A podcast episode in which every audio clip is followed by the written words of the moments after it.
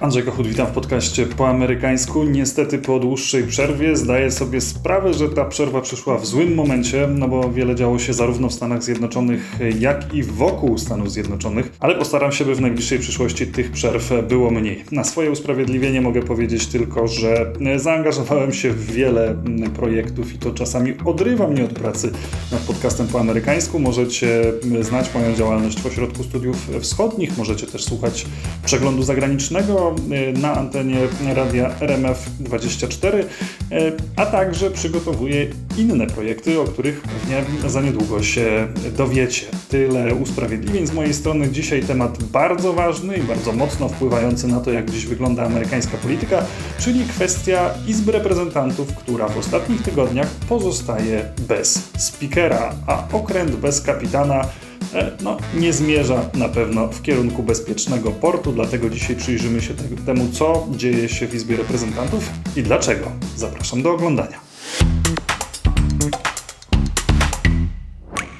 Historia problemów w Izbie Reprezentantów tak naprawdę zaczyna się w 2022 roku w listopadzie, kiedy odbywają się wybory połówkowe, midterm elections i republikanie odnoszą pewne zwycięstwo. Odbijają z rąk demokratów Izbę Reprezentantów. Jednak sukces wcale nie jest tak wielki, jak spodziewali się ci, którzy wróżyli Red Wave, czerwoną falę, która zmiecie demokratów i sprawi, że teraz to republikanie będą kontrolować władzę w Stanach Zjednoczonych. Oczywiście zakładając, że Biden pozostaje w Białym Domu. E, tak się nie stało. Demokraci utrzymali Senat, stracili Izbę Reprezentantów i to stracili nieznacznie. Ta przewaga republikanów okazała się bardzo niewielka. Raptem o kilka miejsc więcej mają dziś republikanie w Izbie Reprezentantów i to niestety odbija się na pewnej słabości ich działań w tej Izbie. Odczuł to jako pierwszy Kevin McCarthy, który długo przewodził republikańskiej mniejszości jeszcze w czasach, kiedy to demokraci kontrolowali Izbę, a później po wygranych wyborach bardzo chciał zostać speakerem. No i okazało się, że żeby zostać speakerem potrzeba 217 republikańskich głosów, tymczasem republikanów w Izbie jest 221, co oznacza, że tylko 4 głosy można stracić walcząc o urząd speakera. I to e, spowodowało bardzo duże problemy dla McCarthy'ego, który przez kilkanaście głosowań musiał zmagać się z politykami swojej własnej partii, żeby stanąć na czele większości w Izbie Reprezentantów. To mu się udało wówczas, ale za cenę bardzo dużych ustępstw, bo Kevin McCarthy musiał e, zgodzić się na wiele żądań, które wysuwała względem niego bardzo nieufna frakcja, a przynajmniej jej część Freedom Caucus, czyli tacy najbardziej pro-trumpistowscy, radykalni republikanie. Co ciekawe, wtedy, kiedy McCarthy był wybierany na speakera, sam Donald Trump w pewnym momencie zaangażował się po jego stronie, ale tym najbardziej radykalnym, powiedzielibyśmy Trumpistom, choć może właśnie w tej sytuacji to nie jest precyzyjne określenie, Kevin McCarthy wciąż nie wydawał się odpowiednim kandydatem. To wszystko spowodowało, że wybór McCarthy'ego przyniósł jednoczesne osłabienie pozycji Speakera Izby Reprezentantów. Jedną z takich koncesji, którą, na którą McCarthy musiał się zgodzić, była zgoda na to, by głosowanie o odwołaniu Speakera Izby Reprezentantów mógł sprowokować tylko jeden głos. Jeden niezadowolony kongresman mógł od tej pory wycelować pistolet w Speakera Izby Reprezentantów i zobaczyć, czy ten pistolet wystrzeli. No i wydawało się, że jak to u Czechowa, jeżeli na ścianie w pierwszym akcie wisi strzelba, to w trzecim akcie ona musi wystrzelić. Dokładnie tak samo e, stało się tutaj. Zwłaszcza, że ta radykalna frakcja w Izbie Reprezentantów miała doskonałą świadomość tego, jak bardzo jest silna i jak dużo może próbować wymusić odmawianiem głosowania w tej czy innej sprawie. Takimi sprawami, które okazały się najbardziej graniczne, najbardziej kontrowersyjne, były kwestie związane z amerykańskim budżetem. Najpierw to był problem limitu zadłużenia, kiedy omal nie doprowadzono do bankructwa Stanów Zjednoczonych ponieważ właśnie ta frakcja nie zgadzała się na podniesienie limitu zadłużenia, starając się wymusić tym razem ustępstwa na administracji Joe Bidena. Ostatecznie Kevin McCarthy e, doprowadził do zgody, która skutkowała podniesieniem tego limitu zadłużenia. A drugi taki potężny, fundamentalny spór o kształt Ameryki, amerykańskiej polityki fiskalnej e, odbył się przy okazji dyskusji budżetowych. Amerykański rok fiskalny kończy się z końcem września, w związku z tym od początku października powinna obowiązywać nowa ustawa budżetowa. Od lat tak się jednak nie dzieje, ponieważ te ustawa, a właściwie ustawy budżetowe są negocjowane o wiele dłużej, czasami wiele miesięcy dłużej.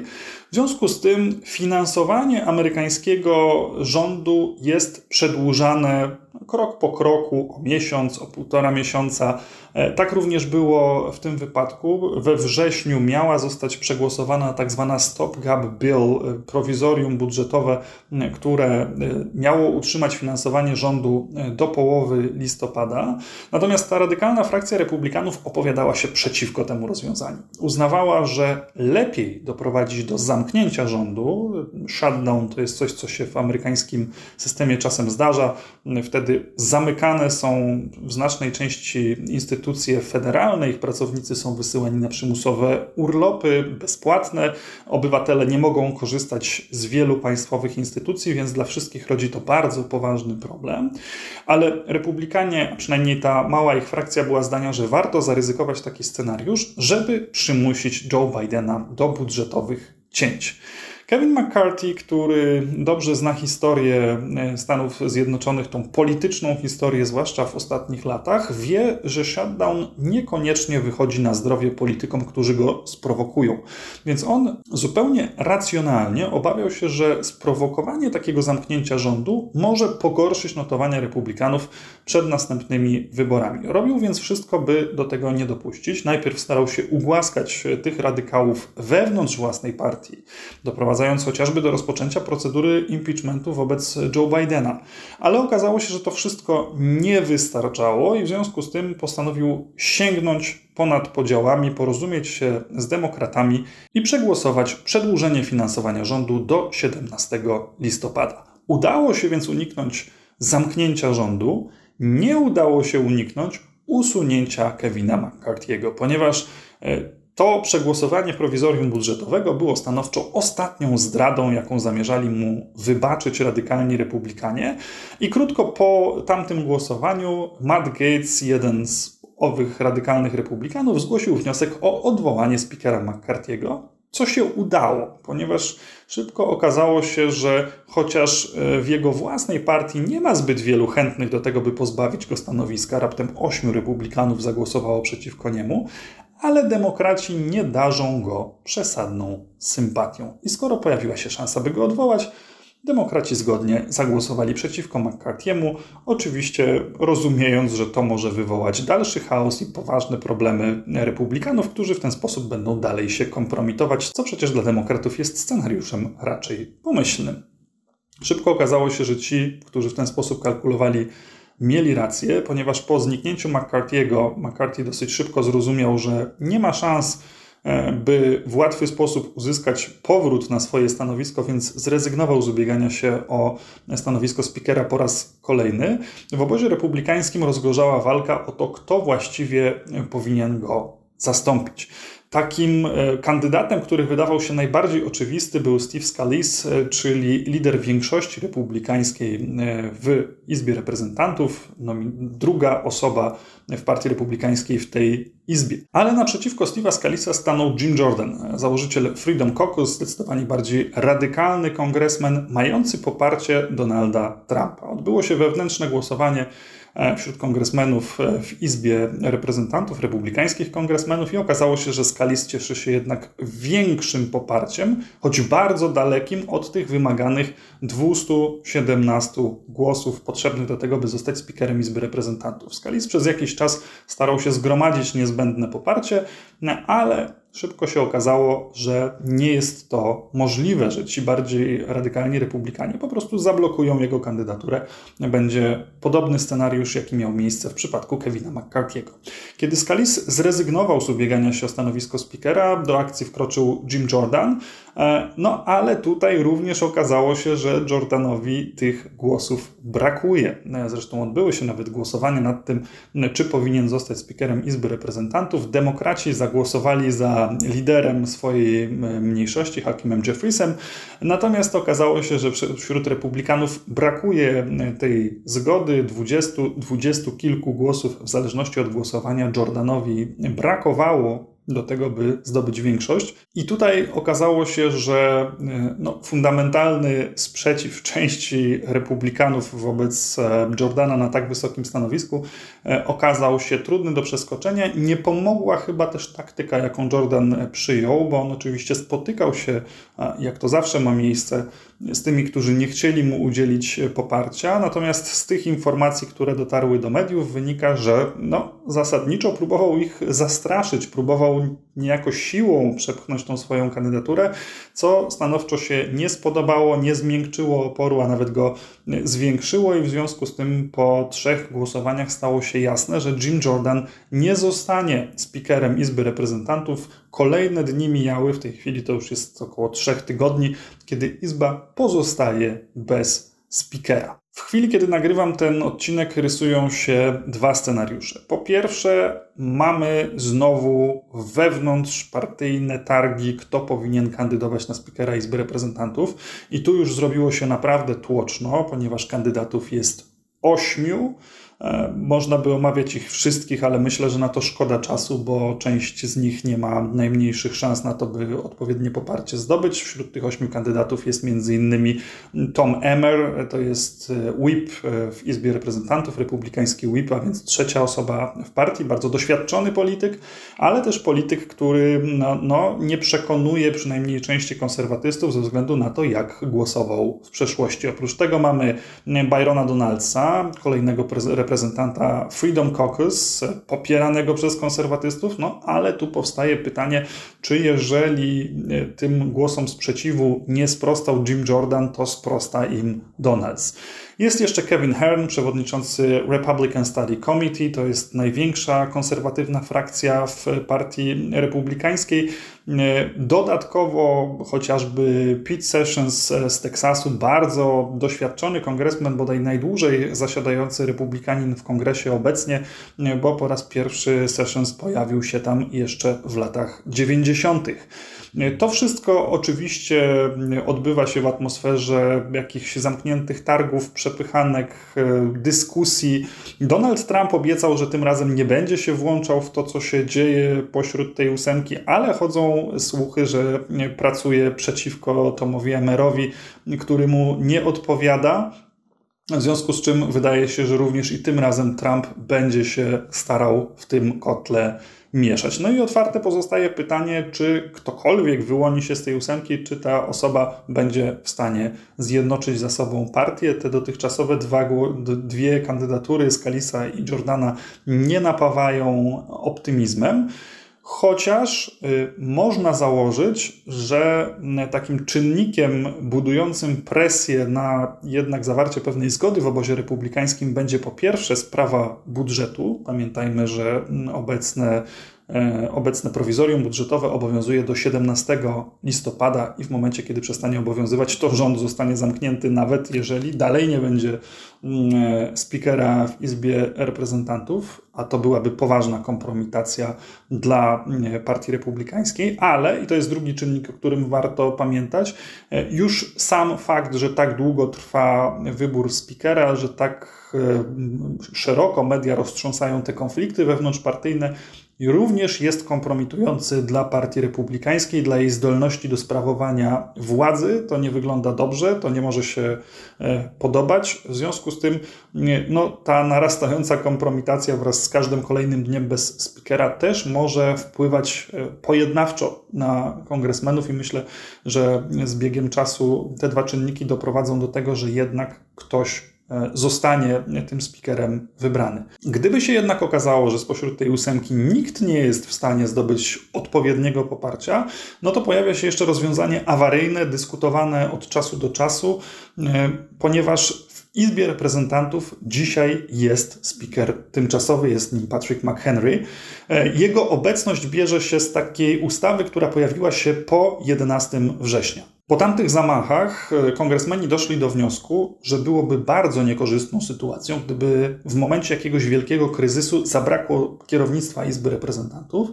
W związku z tym od tego czasu każdy speaker Izby Reprezentantów przychodzi z listą swoich potencjalnych następców, kto ma go zastąpić, gdyby nie mógł dalej sprawować urzędu. No i tak się złożyło, że w przypadku odwołanego Kevina McCarthy'ego tą osobą był Patrick McHenry. Problem polega na tym, że nie jest do końca zdefiniowane, jakiego rodzaju rolę może pełnić taki tymczasowy speaker. Zdaniem wielu może on jedynie nadzorować wybór e, jakiegoś już pełnoprawnego następcy, nowego speakera Izby Reprezentantów. Ale są i tacy, którzy przekonują, że nie taka była myśl zawarta w tej ustawie sprzed ponad 20 lat. Przecież chodziło o to, by zachować funkcjonowanie Izby, a nie tylko pozwolić na wybór następcy speakera. Więc zgodnie z tą drugą interpretacją, McHenry mógłby prowadzić e, normalne obrady, poddawać e, ustawy pod głosowanie i w ten sposób no, odblokować e, Izbę Reprezentantów, wydobyć ją z tego impasu. Są więc głosy, że należy dopuścić takie rozwiązanie, być może wzmocnić McHenry'ego jakimś ponadpartyjnym głosowaniem, które dałoby mu mandat na sprawowanie roli speakera w pełnej okazałości przez kilka tygodni na przykład po to, żeby chociażby przedłużyć finansowanie rządu i uniknąć jeszcze większej kompromitacji. Tutaj z kolei pojawiają się głosy wielu sceptyków, którzy mówią: Dobrze, oczywiście można wprowadzić tego rodzaju rozwiązanie tymczasowe, ale wiadomo, że Waszyngton jest tą stolicą, w której rozwiązania tymczasowe mają tendencję do utrzymywania się przez bardzo długi czas. Problemy e, większości republikańskiej z wyborem nowego speakera nie znikną ani za tydzień, ani za miesiąc, ani za dwa miesiące. Będzie dokładnie tak samo. Ryzykujemy więc sytuację, w której speaker tymczasowy będzie urzędował w Izbie Reprezentantów nawet do końca obecnej kadencji, do końca 24 czy do początku 25 roku, ale jego pozycja będzie jeszcze o wiele bardziej słabsza niż to miało miejsce w przypadku Kevina McCarthy'ego. Kevina McCarthy'ego można było odwołać oczywiście głosowaniem i jeden kongresmen wystarczał do tego, by takie głosowanie zostało e, przeprowadzone. Natomiast jeżeli e, McHenry sprawowałby funkcję speakera na przykład e, na zasadzie pewnego mandatu przedłużającego się co miesiąc czy co dwa miesiące, to można by tak naprawdę wysadzić Izbę Reprezentantów raz na miesiąc bez zwoływania żadnego specjalnego głosowania, po prostu nie przedłużając McHenry'emu e, prawa do sprawowania pełni obowiązków speakera.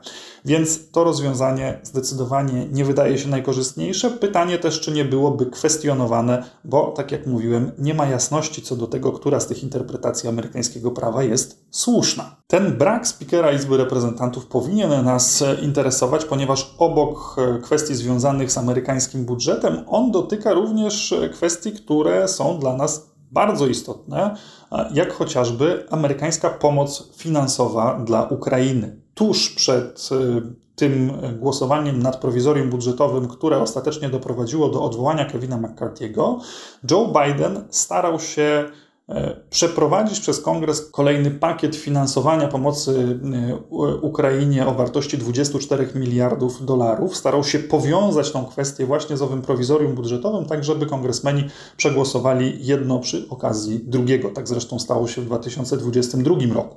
Natomiast tym razem Kevin McCarthy, jeszcze w czasach, kiedy wierzył, że uda mu się ułagodzić radykałów wewnątrz swojej własnej partii, postanowił rozdzielić te dwie kwestie. Nie głosowano nad pomocą dla Ukrainy. McCarthy obiecywał, że do debaty nad tym powróci później, już po przegłosowaniu prowizorium budżetowego, no ale okazało się, że zabrakło mu na to czasu. McCarthy'ego już na stanowisku speakera nie ma. Pomoc dla Ukrainy nie została przegłosowana i pytanie, czy zostanie przegłosowana, bo też wiadomo, że następca McCarthy'ego może mieć do tego podejście jeszcze bardziej sceptyczne niż to miało miejsce właśnie w przypadku McCarthy'ego i jednocześnie może w jeszcze większym stopniu być zakładnikiem tej radykalnej frakcji.